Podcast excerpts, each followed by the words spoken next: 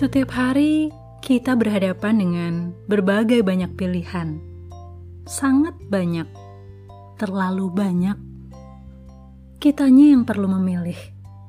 Jika tidak, kitalah yang dikendalikan oleh kegiatan.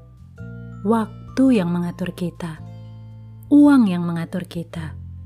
Bukannya kita yang mengatur waktu, bukannya kita yang mengatur prioritas, bukannya kita yang mengatur uang, bukannya kita yang mengatur hubungan.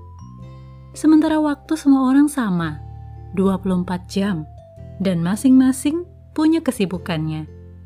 Tenaga kita pun terbatas. Padahal, segala sesuatu ada waktunya. Ada waktu untuk bekerja, ada waktu untuk beristirahat, ada waktu ngurusi pekerjaan, ada waktu mengurus keluarga, dan sebagainya. Kita bukan robot, kita manusia, makhluk sosial. Tanpa memiliki keseimbangan hidup, tidak lama kita akan jatuh. Kesehatan, keluarga, hubungan, atau hal lainnya. Justru kita bisa kehilangan semuanya. Atur waktumu. Kamu yang memiliki kendali atasnya.